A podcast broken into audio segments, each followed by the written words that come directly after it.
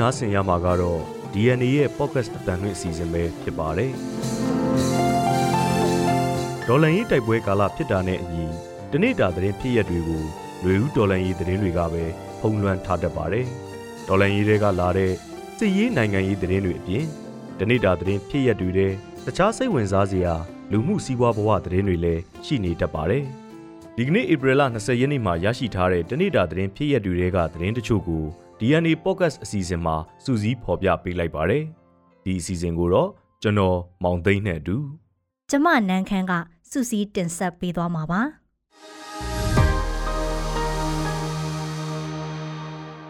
ပထမအဆုံးအနေနဲ့တောင်ဆန်းစုကြည်ရဲ့အယူခံမှုတချို့ကိုလက်ခံစစ်ဆေးမယ်ဆိုတဲ့အကြောင်းကိုပြောပြပေးပါမယ်။နိုင်ငံတော်တိုင်ပင်ခံပုဂ္ဂိုလ်တောင်ဆန်းစုကြည်အပေါ်စက်ကောင်စီလက်အောက်ခံတရားရုံးတွေက ပြစ်ဒဏ်ချမှတ်ထားတဲ့အပေါ်အယူခံမှုတက်ထားတဲ့အမှုတမှုနဲ့ပြင်ဆင်မှုတက်ထားတဲ့နှမှုကိုပြည်ထောင်စုတရားလွတ်တော်ချုပ်ကလက်ခံလိုက်တယ်လို့တရားရေးနဲ့နှီးစက်တဲ့အတိုင်းအဝိုင်းကသိရပါဗျ။ပြည်ထောင်စုတရားလွတ်တော်ချုပ်ကမနေ့ကဧပြီလ16ရက်မှာအဲ့ဒီအမှုသုံးမှုအတွက်လက်ခံကြားနာပြီးနောက်အမှုတွေကိုနှစ်ဖက်လျှောက်လဲချက်ပေးဖို့လက်ခံလိုက်တာပါ။အခုလိုလက်ခံလိုက်တာကြောင့်ဒေါန်ဆန်းစုကြည်အပေါ်ချမှတ်ထားတဲ့ပြစ်ဒဏ်တွေနဲ့ပတ်သက်လို့တရားလွတ်တော်ချုပ်ကရုံးချင်းတွေခေါ်ပြီးဆက်လက်စစ်ဆေးမှာဖြစ်ပါတယ်။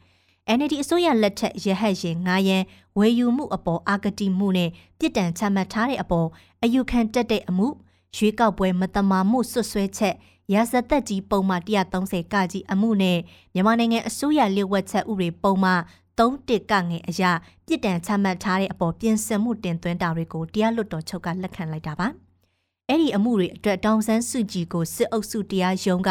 ပြီးခဲ့တဲ့နှစ်ဒီဇင်ဘာလကတည်းကထောင်ဒဏ်9နှစ်စီချမှတ်ထားတာပါ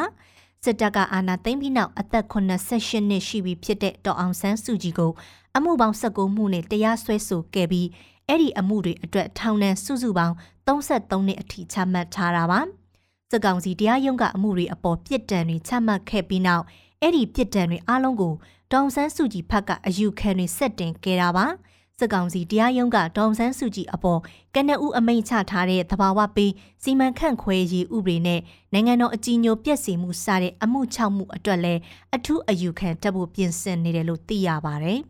။ဒုတိယသတင်းတစ်ပုဒ်အနေနဲ့စင့်ကူးနယ်ကဘုံသာကုန်းရွာစစ်ကြောင်းထိုးခံရပြီးပိတ်မိနေသူတွေရှိနေတဲ့အကြောင်းကိုတင်ဆက်ပေးပါမယ်။စကိုင်းတိုင်းဝက်လက်မြို့နယ်နဲ့မန္တလေးတိုင်းစင်ကူးမြို့နယ်အဆက် AR မြကန်းကျေးရွာတွေကိုစစ်ကောင်စီကစစ်ကြောင်းထိုးနေပြီးဒီကနေ့မနက်ပိုင်းမှာ စင့်ကူးနယ်ဘုံသာကုန်းရွာကန်90ထက်မနည်းကိုဖမ်းဆီးထားတယ်လို့ဒေတာတွင်းသတင်းရင်းမြစ်တွေစီကသိရပါဗျ။ဝက်လက်မြို့နယ်အရှိချမ်းနဲ့စင့်ကူးနယ်အနောက်ချမ်း AR မြကန်းကျေးရွာတွေကိုစစ်ကောင်စီကနှစ်တစ်ကူကာလအပြီးဧပြီ18ရက်မှာစတင်စစ်ကြောင်းထိုးနေတာဖြစ်ပြီးဒီကနေ့မနက်ပိုင်းမှာဘုံသာကုန်းရွာထဲဝင်ရောက်စီးနှင်းကပိတ်မိနေတဲ့ရွာကန်တွေကိုမူလာတန်းကြောင်းနဲ့ဖမ်းဆီးထားတာလို့ဆိုပါတယ်။ ဒါအပြင်စစ်ကောင်စီတပ်ဟာစင့်ကူးနယ်တဲကနေဝက်လက်မြို့နယ်တဲက AR မြစ်အနောက်ဘက်ကမ်းရွာတွေဖြစ်တဲ့ထုံးဘိုကုန်းနဲ့ရှားကွဲရွာတွေကိုဥတီပြီးလက်နက်ကြီးနဲ့ပစ်ခတ်မှုတွေဇက်တိုက်လုပ်နေတယ်လို့လည်းသိရပါဗျ။ဘုံသာရွာကဖမ်းဆီးခံထားရတဲ့ပြည်သူတွေရဲ့အခြေအနေကိုတော့စစ်ကောင်စီတပ်တွေတက်ဆွဲထားတဲ့အတွက်မသိရသေးဘူးလို့ဒေသခံတွေကပြောပါတယ်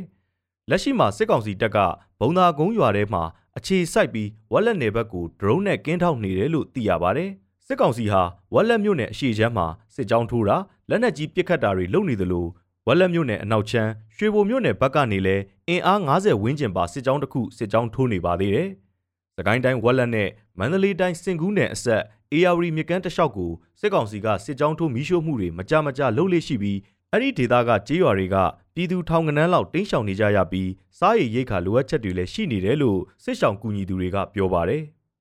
ဆက်လက်ပြီးတော့ passport တက်တန်းတိုးမူဝါဒတစ်ကြောင့်အခက်တွေ့ကြရအောင်မယ်ထိုင်းရောက်မြန်မာတွေအကြောင်းကိုပြောပြပေးပါမယ်။ထိုင်းနိုင်ငံမှာအလဲအပတ်ပညာရေးပတ်စပို့တွေနဲ့နေထိုင်နေတဲ့မြန်မာနိုင်ငံသားတွေပတ်စပို့တက်တန်းတိုးရမှာတတ်မှတ်ချက်အသစ်တွေစက်ကောင်စီကဖြည့်ဆွက်လိုက်တာကြောင့်အခက်တွေ့ရမယ့်အရေးထိုင်းရောက်မြန်မာတွေစိုးရိမ်နေကြပါတယ်။အလဲအပတ်နဲ့ပညာရေးပတ်စပို့ကင်ဆောင်ထားသူတွေအနေနဲ့တက်တန်းတိုးဖို့အတွက်မြန်မာနိုင်ငံမှာနေထိုင်ခဲ့တဲ့တိတကရဲစခန်းထောက်ကန်စာ ရက်ွက်ယုံထောက်ခံစာပြည်ပရောက်နေချိန်အလောက်အကိုင်းနေထိုင်မှုဖော်ပြချက်မိဘတွေရဲ့ထောက်ခံချက်နဲ့ကြောင်းတက်နေတဲ့အထောက်ထားတွေလိုမယ်လို့စက်ကောင်စီလက်အောက်ခံချင်းမိုင်မြို့မြန်မာကောင်စစ်ဝင်ရုံးကထုတ်ပြန်လိုက်တာပါ။ဒါအပြင်ပူပြီးအငင်းပွားစီရဖြစ်စေမယ့်အချက်တစ်ချက်ကတော့မြန်မာနိုင်ငံကပြန်တန်းဝင်အရာရှိတဦးရဲ့ထောက်ခံချက်ပါရမယ်ဆိုတဲ့အချက်ဖြစ်ပါတယ်။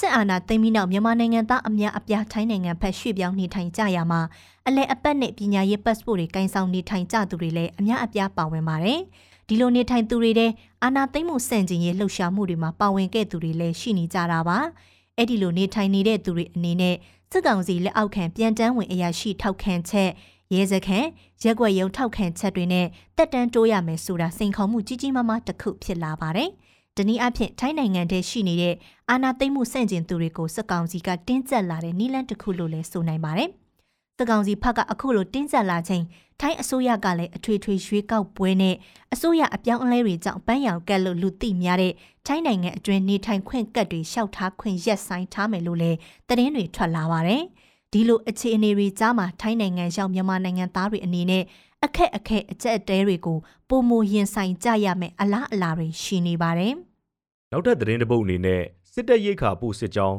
တိုက်ခိုက်ခံရပြီးစစ်သားတအုပ်အရှင်ဖမ်းဆီးခံရတဲ့သတင်းကိုပြောပြပေးပါမယ်။ကရင်နီကရားပြည်နယ်ဒီမော့ဆိုးမြို့နယ်အရှိချမ်းဒေါတမကြီးကျေးရွာအုပ်စုအတွင်းစစ်ကောင်စီစခန်းတွေကိုရိတ်ခါလာပို့တဲ့ခလာရ80တပ်နဲ့ကရင်နီပူးပေါင်းတပ်တွေမနေ့ကတိုက်ပွဲဖြစ်ရာမှာစစ်ကောင်စီဘက်က၈ဦးသေဆုံးပြီး တဦးအရှင်ဖမ်းဆီးမိတယ်လို့ကရင်နီစစ်ရေးသတင်းရင်းမြစ်တွေကပြောပါတယ်။ဒီမော့ဆိုးမြို့နယ်နဲ့ဘော်လက်ခဲမြို့နယ်အကြားမှာစစ်ကောင်စီခလာရ80တပ်ရင်းကရိတ်ခါလာပို့တဲ့စစ်ကြောင်းကိုဧပြီလ19ရက်နေ့လယ်တနာရီဝန်းကျင်မှာတိုက်ခိုက်ခဲ့တာဖြစ်တယ်လို့ကရင်နီစစ်ဘက်ဆိုင်ရာဗဟိုသတင်းထုတ်ပြန်ရေးအဖွဲ့ကပြည်ထရေးဝန်ကြီးခုညေးရယ်ကပြောပါတယ်။အဲ့ဒီတိုက်ပွဲမှာချိန်မုံရေးရိုင်ဖယ်6လက်နဲ့ဆက်ဆက်ခဲယမ်းပစ္စည်းတွေတင်စီရမိကရိတ်ခါတဲ့ကားတစ်စီးကိုဖျက်ဆီးနိုင်ခဲ့ပြီးကရင်နီတပ်မတော် KA နဲ့ ကရင်နီအမျိုးသားများကာကွယ်ရေးတပ် KNDF တပ်ရင်း21တို့ကပူးပေါင်းတိုက်ခိုက်ခဲ့တယ်လို့သိရပါဗျ။ခလာရ80တပ်ရင်းဟာပဲခူးတိုင်းအင်းမအခြေဆိုင်တပ်မ66လက်အောက်ခံတပ်ရင်းဖြစ်ပြီးဒေါတမကြီးကျေးရွာအုပ်စုထဲမှာအချိန်ပြည့်စကန်းထိုင်လှုပ်ရှားနေတဲ့စကခနှစ်လက်အောက်ခံတပ်ရင်း3ရင်းစီဧပြီလပထမပတ်အတွင်းအင်အား80လောက်နဲ့အင်အားဖြစ်တင်းခဲ့တာဖြစ်တယ်လို့သိရပါဗျ။ ဒီမော့ဆိုမြို့နယ်ဒေါတမကြီးအုပ်စုဒေါညီကိုကျေးရွာအနီးကိုစစ်ကောင်စီတပ်တွေနဲ့ဂရင်နီပူးပေါင်းတပ်တွေဧပြီလ16ရက်ကတည်းကတိုက်ပွဲတွေဇက်တိုက်ဖြစ်နေပြီးစစ်ကောင်စီဘက်ကတေဆုံးထိခိုက်မှုများလို့လေကြောင်းလက်နက်ကြီးတွေအဆက်မပြတ်ပစ်ကူပေးနေတယ်လို့ KNI တပ်ဖွဲ့တွေကဆိုပါတယ်။ဒီမော့ဆိုမြို့နယ်အတွင်းနှစ်ဖက်တိုက်ပွဲတွေဇက်တိုက်ပြင်းထန်နေတာကြောင့်နေရဲစွန့်ခွာနေရတဲ့စစ်ရှောင်တွေအပါအဝင် KNI ဒေသတွင်စစ်ရှောင်တွေဟာ စားနပ်ရိက္ခာတွေအရေးပေါ်လိုအပ်နေသလိုရေရှားပါမှုရဲ့နောက်ဆက်တွဲအဖြစ်အရေးပြားယောဂါနဲ့ဝမ်းယောဂါတွေဖြစ်နေပြီးဆေးဝါးတွေလည်းလိုအပ်နေတယ်လို့စစ်ဆောင်ကူညီသူတွေနဲ့စစ်ရေးသတင်းရင်းမြစ်တွေကပြောပါတယ်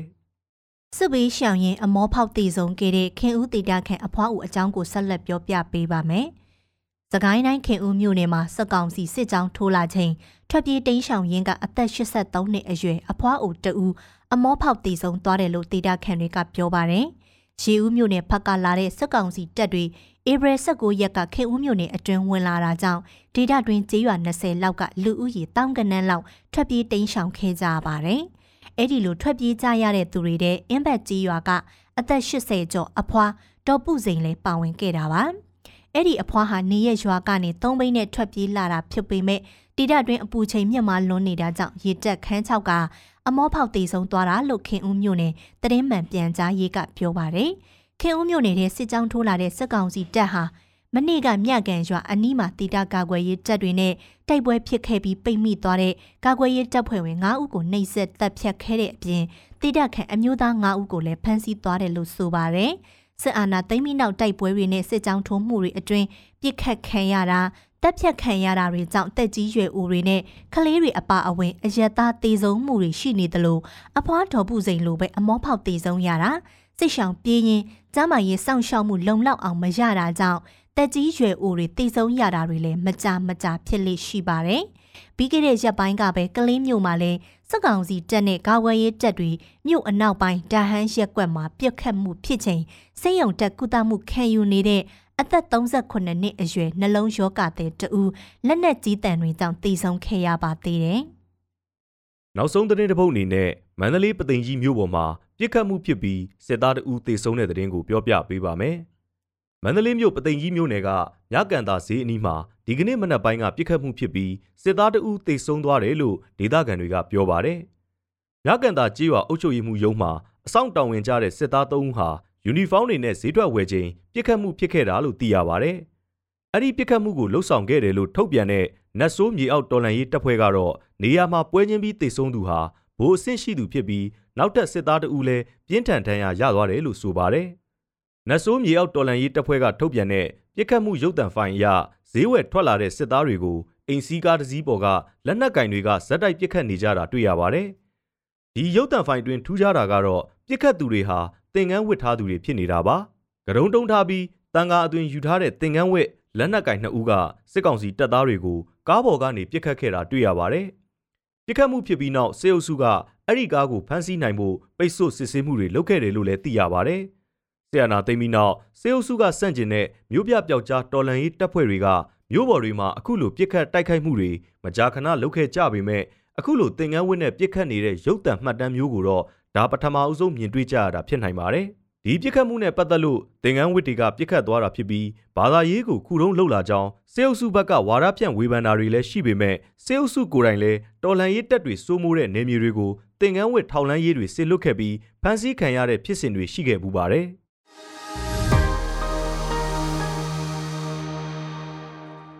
အခုနိုင်ငံတကာသတင်းအစီအစဉ်ကိုနန်းခမ်းကဆက်လက်တင်ဆက်ပေးပါမယ်။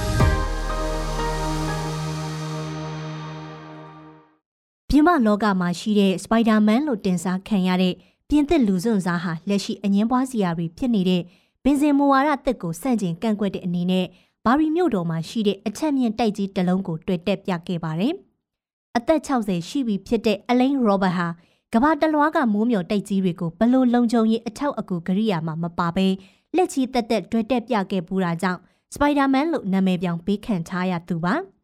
သူဟာပြင်သစ်သမ္မတအီမ န်နူရယ်မက်ခရွန်အဆိုပြုတင်သွင်းတဲ့ဘင်ဇင်အသက်အရွယ်ပြင်ဆင်သတ်မှတ်ချက်ကိုတခြားနိုင်ငံသားအများစုနီးတူဆန့်ကျင်တယ်လို့ရောဘတ်ကပြောပါတယ်။အဲ့ဒီဆန္ဒပြဆန့်ကျင်မှုကိုပြသတဲ့အနေနဲ့သူဟာဘာရီမာရှိတဲ့ပေ900နီးပါးမြင့်တဲ့38ထပ်တိုက်တလုံးကိုဧပြီ16ရက်ကတွေ့တက်ပြခဲ့တာဖြစ်ပါတယ်။လာဒီဖန်စီရက်ကွက်မှာရှိတဲ့အဆောက်အအုံကိုတွေ့မတက်ခင်မှာရောဘတ်က ဘင်ဇင်မူဝါဒအပြောင်းအလဲကိုစန့်ကျင်သူတွေနဲ့အတူတသားတည်းထောက်ခံကြောင်းပြသတဲ့အနေနဲ့သူကအဲ့ဒီအဆောက်အုံကိုတက်ပြမယ်လို့ရိုက်တာသတင်းဌာနကိုပြောခဲ့ပါတယ်။သူကသမ္မတမာခရိုအနေနဲ့လဲလုံခြုံရေးပိုက်ကွန်တွေမပါဘဲစိတ်ထင်တိုင်းရှောက်တက်နေမဲ့အစားမြေပေါ်ကိုပြန်ဆန်းလာပြီးငြိမ်ငြိမ်နေတဲ့နယ်လို့လဲဝေဖန်ခဲ့ပါတယ်။မာခရိုအဆိုပြုထားတဲ့ဘင်ဇင်မူဝါဒအရလက်ရှိပြင်သစ်ရဲ့အငိမ့်စားခံစားခွင့်အသက်အရွယ်ကို62နှစ်ကနေ64နှစ်စီတိုးမြင့်မှာဖြစ်ပါတယ်။ နိုင်ငံရဲ့လက်ရှိစီးပွားရေးအခြေအနေတွေကြုံတွေ့နေတဲ့စိန်ခေါ်မှုတွေအရဒီလိုပြောင်းလဲမှုမျိုးတေချာပေါက်လိုအပ်တယ်လို့မာခရွန်ကပြောပါတယ်။ရောဘတ်ဟာသူ့ရဲ့ဘဝတလျှောက်မှာကမ္ဘာအမြင့်ဆုံးအဆောက်အအုံဖြစ်တဲ့ဘတ်ခါလီဖာမျော်စင်ဘာလီကအိုင်ဖယ်မျော်စင်ဆန်ဖရန်စစ္စကိုကဂိုရင်ဂိတ်တတားကြီးစစ်ဒနီအော်ဘရာစက်ယုံအပါအဝင်နိုင်ငံတကာကအထင်ကရအချက်မြင့်အဆောက်အုံပေါင်း150ကျော်ကိုလက်ချီတက်တက်တွေ့တက်ပြခဲ့ပြီးဖြစ်ပါတယ်။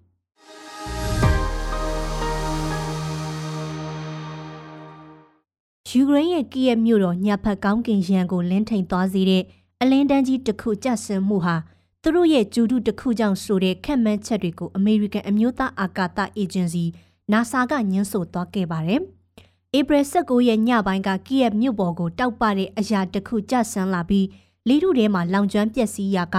မြို့လေကောင်းကင်ရန်တစ်ခုလုံးထိန်ထိန်ကြီးတောက်ပသွားတာကိုတွေ့ခဲ့ရပါတယ်။အစောပိုင်းမှာအဲ့ဒီဖြစ်စဉ်ဟာ NASA ရဲ့ ကျူတုအပြက်စီးတစ်ခုကဘာပေါ်ကျဆင်းလာတာဖြစ်နိုင်တယ်ဆိုတဲ့ထင်ကြီးတွေပြန့်နှံ့ခဲ့ပေမဲ့ NASA ဖက်ကချက်ချင်းလိုလိုညှင်းဆိုခဲ့ပါတယ်။အကြောင်းရင်းကိုတိတိကျကျမသိရသေးပေမဲ့ယူကရိန်းလေတပ်ကဒါဟာအောက်ကခဲတစ်ခုကြွေကြတာလည်းဖြစ်ကောင်းဖြစ်နိုင်တယ်လို့မှတ်ချက်ပေးထားပါတယ်။ဒါပေမဲ့ရုရှားရဲ့တိုက်ခိုက်မှုတစ်ခုခုကြောင့်တော့မဖြစ်နိုင်လောက်ဘူးလို့လည်းယူကရိန်းလေတပ်ကဆိုပါတယ်။စစ်ပွဲစတင်ချိန်ကတည်းကရုရှားရဲ့လေကြောင်းတိုက်ခိုက်မှုပုံစံအမျိုးမျိုးကိုကီယက်မြို့တော်မှာတွေ့မြင်ဖူးပြီးဖြစ်တာကြောင့် တီးဖြစ်စင်နဲ့ကိုက်ညီမှုမရှိဘူးလို့လေတက်ကပြောပါတယ်။ကောင်းကင်ရံမှာလင်းထိန်သွားတဲ့အချိန်လေကြောင်းအန်ဒီရဲ့ကာကွယ်ရေးတတိပေးအုပ်အောတန်တွေမြည်ဟီးလာပေမဲ့ယူကရိန်းရဲ့လေကြောင်းကာကွယ်ရေးစနစ်တွေကိုတော့အသက်သွင်းစရာမလိုခဲ့ပါဘူး။ NASA ကအခုသတင်းပတ်အစောပိုင်းမှာသူတို့ရဲ့အနားပေးလိုက်ပြီးဖြစ်တဲ့ပေါင်ချိန်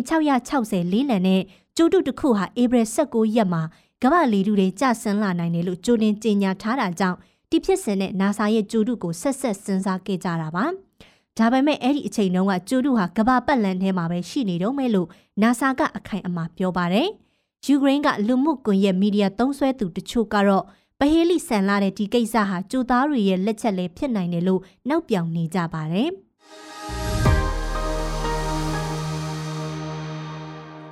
ဆက်လက်ပြီးတော့စာရေးဆရာလင်းခါကသူ့ရဲ့အစည်းတစ်ပုဒ်ကိုကိုယ်တိုင်ဖတ်ပြပေးထားပါတယ်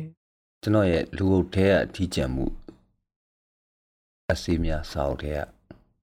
စောင့်သူကိုနိုင်ကပေးထွက်ဆိုကြဆိုတဲ့အစီတစ်ပုဒ်ကိုဖတ်ပြခြင်းပါတယ်အလင်းအောင်တောက်တောက်ပပရှိနေသေးပြီးပူလောင်နေသေးတဲ့တနေ့သောညနေမှာအမိုးနှိမ်လွန်းတဲ့လက်ဖက်ရည်ဆိုင်ကလေးတစ်ဆိုင်အတွင်းနဲ့ကျွန်တော်ထိုင်နေခဲ့တယ်ကျွန်တော်ရေးထားတဲ့ကြပြတစ်ပုဒ်အတွက်မဂဇင်းကိုစားစာမှုက9000ထုတ်ပြီးမဲ့လူတစ်ယောက်ကိုစောင့်မျှော်နေခဲ့တာလာတော့မယ် ရောက်တော့မယ်တရားပေါ်ရောက်နေပြီလို့လွန်ခဲ့တဲ့တနအီလောက်ကလေးကဖုန်းထဲမှာပြောခဲ့တဲ့လူတစ်ယောက်ပဲဘယ်တရားပေါ်လဲလို့ကျွန်တော်မမေးလိုက်ရတော့ကဘာပေါ်ကရှိရှိသမျှသောတရားတိုင်းရဲ့အပေါ်မှာရောက်နေတာဖြစ်နိုင်တယ်ဆောင်းရတာကြာပြီမို့ကျွန်တော်ရှိကလက်ဖက်ရည်ခွက်ရဲ့အတွင်းအောက်ခြေကမြောင်းလေးထဲမှာသာလက်ဖက်ရည်ကလေးနည်းနည်းကြံတော့တယ်ကိုတော့ကိုစောင့်မျှော်ခြင်းအလားပဲဒါပေမဲ့ကိုတော့ကိုစောင့်မျှော်သူတွေကပတ်စံမပါပဲလက်ဖက်ရည်ဆိုင်မှာလက်ဖက်ရည်မှတောက်မထားလို့ လက်ဖက်ရည်ကိုရှင်းစရာမလိုဘူးကျွန်တော်ကတော့လိုတယ်ခက်ချင်းချင်းရှည်မျောမျောလက်ဖက်ရည်ဆိုင်ရဲ့ဟိုးအတွင်းဆုံးမှာတော့မျက်နှာချက်ကနေချိတ်ဆွဲပြသထားတဲ့ TV ပြားတစ်ပြားရှိတယ် TV ပြားပေါ်မှာတော့ရုပ်တံလိုင်းတစ်ခုကနေဗန်ဂိုးဘွားဇလန် Let's for Light စကားလာနေတယ်အဲ့ဒီစကားကိုကျွန်တော်10ချိန်လောက်ကြည့်ပြီးသားသို့တော်လည်းလက်ဖက်ရည်ဆိုင်တွင်မှာကျွန်တော်အပါဝင်လူ10ယောက်လောက်ရှိပေမဲ့အဲ့ဒီစကားကိုကြည့်နေသူကကျွန်တော်တယောက်တည်းရဲ့ ဘန်ကိုစိတ်ကြမ်းမာရေးစေယုံတက်နေရတဲ့အခန်းကိုရောက်နေပြီဘန်ကိုကဗရင်ပေါက်ကမြင်ရတဲ့ဂျုံကင်းကိုကြည့်လို့ပကြီးရေးဆွဲနေတယ်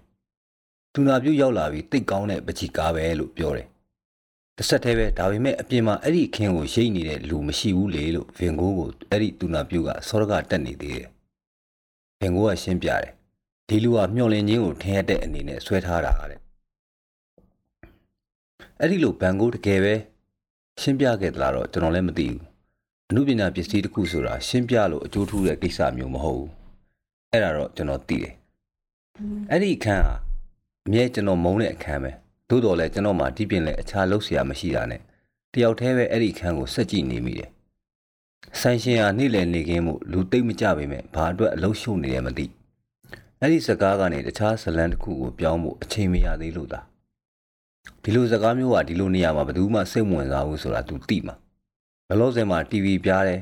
ဘာပဲလာနေနေသူခမဂယူးမဆိုင်နိုင်သေးလို့သာနောက်ပြီးဆိုင်ထဲလူသိမ့်မများသေးလို့သာဒီအတိုင်းလွတ်ထားပုံရတယ်ဆိုင်ထဲကလူတွေမှာလည်းဖုန်းစခရင်ကိုကြည့်ရင်တစ်စက္ကန့်နှစ်စက္ကန့်လောက်ညင်းဝေသွားတဲ့အချိန်ကလေးခေါင်းမော့လို့ TV ပြားကိုတစ်ချက်ငေးလိုက်ပြီးချက်ချင်းပဲဖုန်းကိုပြန်ငုံကြည့်ကြတယ်ဒီဆိုင်လေးတဲမှာတော့ဗန်ဂိုးဘဝဇလန်ကိုစိတ်ဝင်စားသူနက်တိ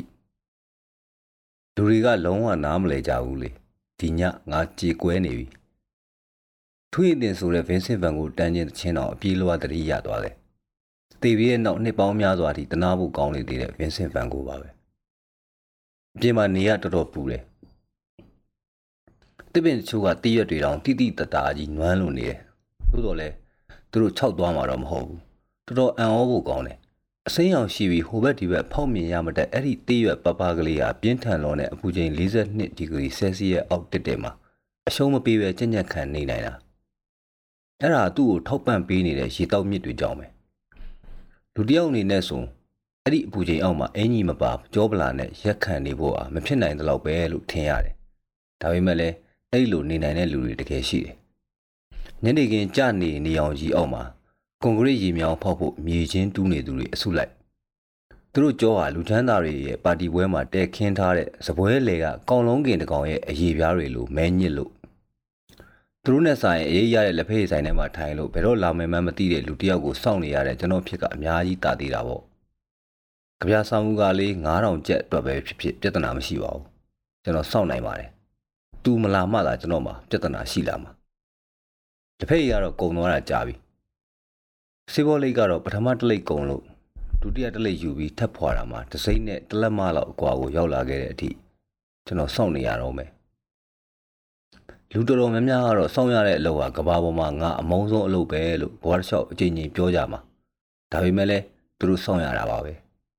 ကဘာပေါ်မှာစောင့်ရခြင်းအလုပ်ကိုမလုပ်ဘူးတဲ့လူရဲ့လို့တယောက်မှမရှိတာလူမွဲတယောက်အနေနဲ့မျှော်မှန်းမကြည့်နိုင်လောက်အောင်ချမ်းသာတဲ့လူတွေကတော့စောင့်ရတဲ့အလုပ်ဘယ်တော့မှမလုပ်ဘူးကွာ စောင့်မဲ့စောင့်မင်းတို့ကငါ့ကိုစောင့်ရမှာလို့မန်ပပပြောတတ်ကြတာမျိုးမြင်မှုမယ်တို့ပေမဲ့သူတို့လည်းတေးဖို့စောင့်နေကြရတာပဲမဟုတ်လားကျွန်တော်ကတော့စောင့်ရတဲ့အလုပ်ကိုသဘောကျလာတယ်မဟုတ်ပေမဲ့ကြည်နေပါတယ်စောင့်နေရတယ်ဆိုကြတဲ့လာမရှိလို့ပဲတကူတဲ့အထီးကျန်မဟုတ်ဘူးကြပြစာမှုကငွေကလေး9000ပဲဖြစ်ဖြစ်အဲ့ဒါကျွန်တော်အတွက်တော့အရေးပါတဲ့ကိန်းကနန်းတစ်ခုပဲမျောလင်းချက်ရှိနေသေးတယ်ဆိုတဲ့သဘော တစ်ချိန်မှုတစ်ချိန်တော့စောင့်နေရတဲ့တယောက်ယောက်ဟာတစုံတစ်ခုသောအဖြစ်ဖြစ်ဟာရောက်လာမှာကိုလုံးဖို့ကစောင့်နေဖို့ပဲကိုလုံးနိုင်တဲ့ကလည်းစောင့်နေဖို့ပဲရှိတဲ့နောက်အဲ့ဒီပေါ်ညင်းညူနေလို့ကတော့ဘဝဆက်တိုင်းနာကျင်ရဖို့ကြီးပဲပေါ့နာကျင်ရမယ့်အစာမျောနေမယ်ညင်းညူနေမယ့်အစာတော့စောင့်နေလိုက်မယ်ကျွန်တော်မှအချိန်ကြီးရှိပါတယ်အချိန်ကြီးရှိလို့လည်းဒီနေရာမှာဒီလိုထိုင်ဆောင်နေနိုင်တာရုပ်ရှင်တစ်ခုထဲမှာဘာသာဗေဒပမောက္ခတယောက်ပြောတဲ့စကားလေးတစ်ခုကိုမှတ်မိနေတယ် အချိန်ရဲ့လှပခြင်းဟာအဲ့ဒါပဲဘယ်တော့ဖြစ်ဖြစ်တကြောပြန်မှုအချိန်တွေအမြဲရှိနေတယ်တဲ့ဒါပေမဲ့လည်းတူးချင်းစီအတွက်ဆိုရင်ရှိတဲ့အချိန်ဆိုတာအကန့်အသတ်နေပါပင်မဆင်းရဲစွာရက်တည်နေရတဲ့ဒီလိုတတိယနိုင်ငံတနိုင်ငံကလူတစ်ယောက်ရဲ့ပြင်းပြတက်တန်ဟာ60တောင်မပြည့်ဘူးအဲ့ဒီပြင်းပြတက်တန်ရဲ့တဝက်ကိုကျွန်တော်အနေနဲ့ကြော်လွန်လာခဲ့တာကြာပြီမို့အချိန်တွေရှိနေသေးတယ်ဆိုပေမဲ့ကြီးစွာသောအကန့်အသတ်နဲ့ရှိနေတဲ့အချိန်မျိုးပါ ကိုဆက်ပြီးနေရမယ့်အချိန်ဟာကြည်ဘူးတဲ့ရုပ်ရှင်တစ်ခုတည်းကလို့လက်ဖြံမှာနာရီမိနစ်စက္ကန့်နဲ့အတိအကျပေါ်နေမယ်ဆိုရင်တော့တမျိုးပေါ့ခုဟာမရေရာလာဘူးကျွန်တော်ကအမိုးနှိမ့်နှိမ့်လက်ဖက်ဆိုင်ကလေးတစ်ဆိုင်ရဲ့ခွေးချေပူကလေးပေါ်မှာထိုင်ရင်ဖြုတ်ခနဲ့နှလုံးရက်သွားတာမျိုးကရာခိုင်နှုန်းအများကြီးမဟုတ်ရင်တော့ဖြစ်နိုင်ကြီးကတော့ရှိနေတာပဲတို့ပေမဲ့ကျွန်တော်စောင့်ပါတယ်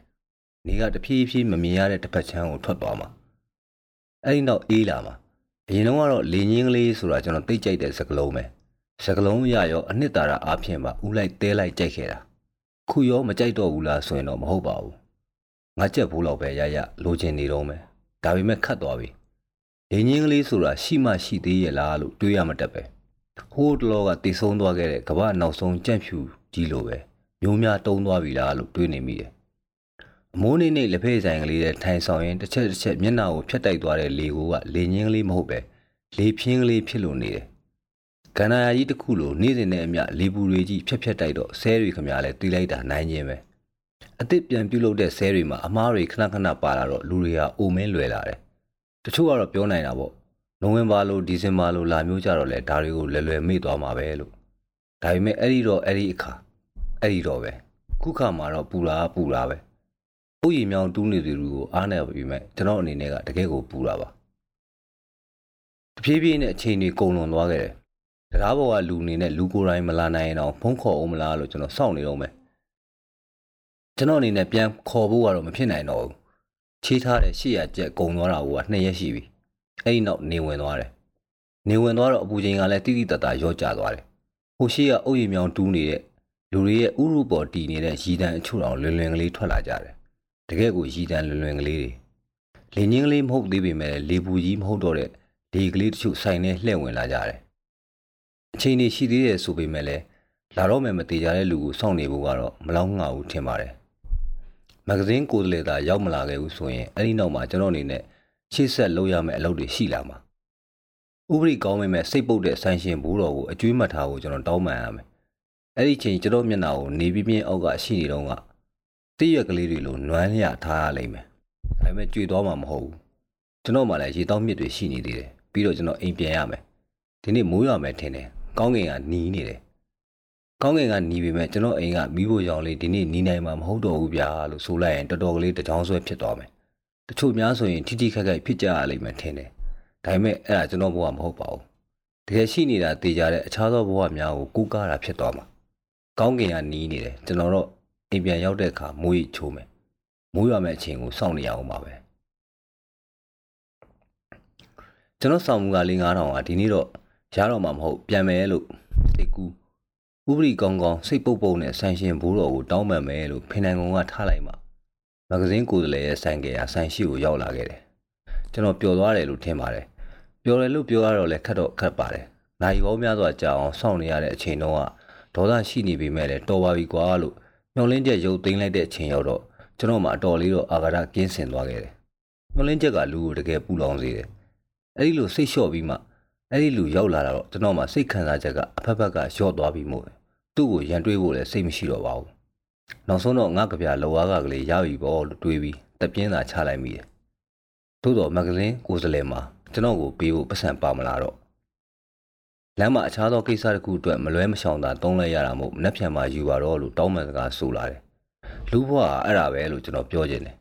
ကျွန်တော်တို့အဆောင်ကြီးဆောင်အမျော်လင်ကြီးမျော်လင့်ခဲ့ရပြီးတဲ့နောက် 21အဆင့်ကြီးကိုဘေးကွက်ကြီးတက်ချင်တက်လာတတ်တယ်ဘာတက်နိုင်ပါလဲအနည်းဆုံးတော့ကျွန်တော်အနေနဲ့သူ့ကိုလက်ဖက်ရည်ကိုရှင်းခိုင်းလိုက်နိုင်တယ်ပြီးတော့ညီနေတဲ့ကောင်းကင်အောက်ကနေအိမ်ပြန်လာခဲ့တယ်မိုးကြီးချုပ်တော့မိုးတကယ်ရွာတယ်ဒီတော့ကျွန်တော်လည်းကလေးတယောက်လိုပဲအော်ဟစ်လို့မိုးရီချိုးနေလိုက်တော့တယ်အဲ့ဒီအချိန်လေးပျော်စရာပါ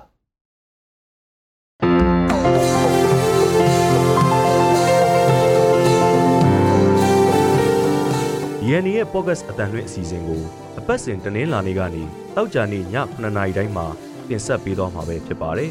။ဒီအစီအစဉ်ကိုတော့ DNA ရဲ့ Facebook Page ကနေအပြင် Anchor, Spotify နဲ့ Google Podcast တို့တွေကနေတဆင့်လဲနားဆင်နိုင်ပါတယ်ခင်ဗျာ။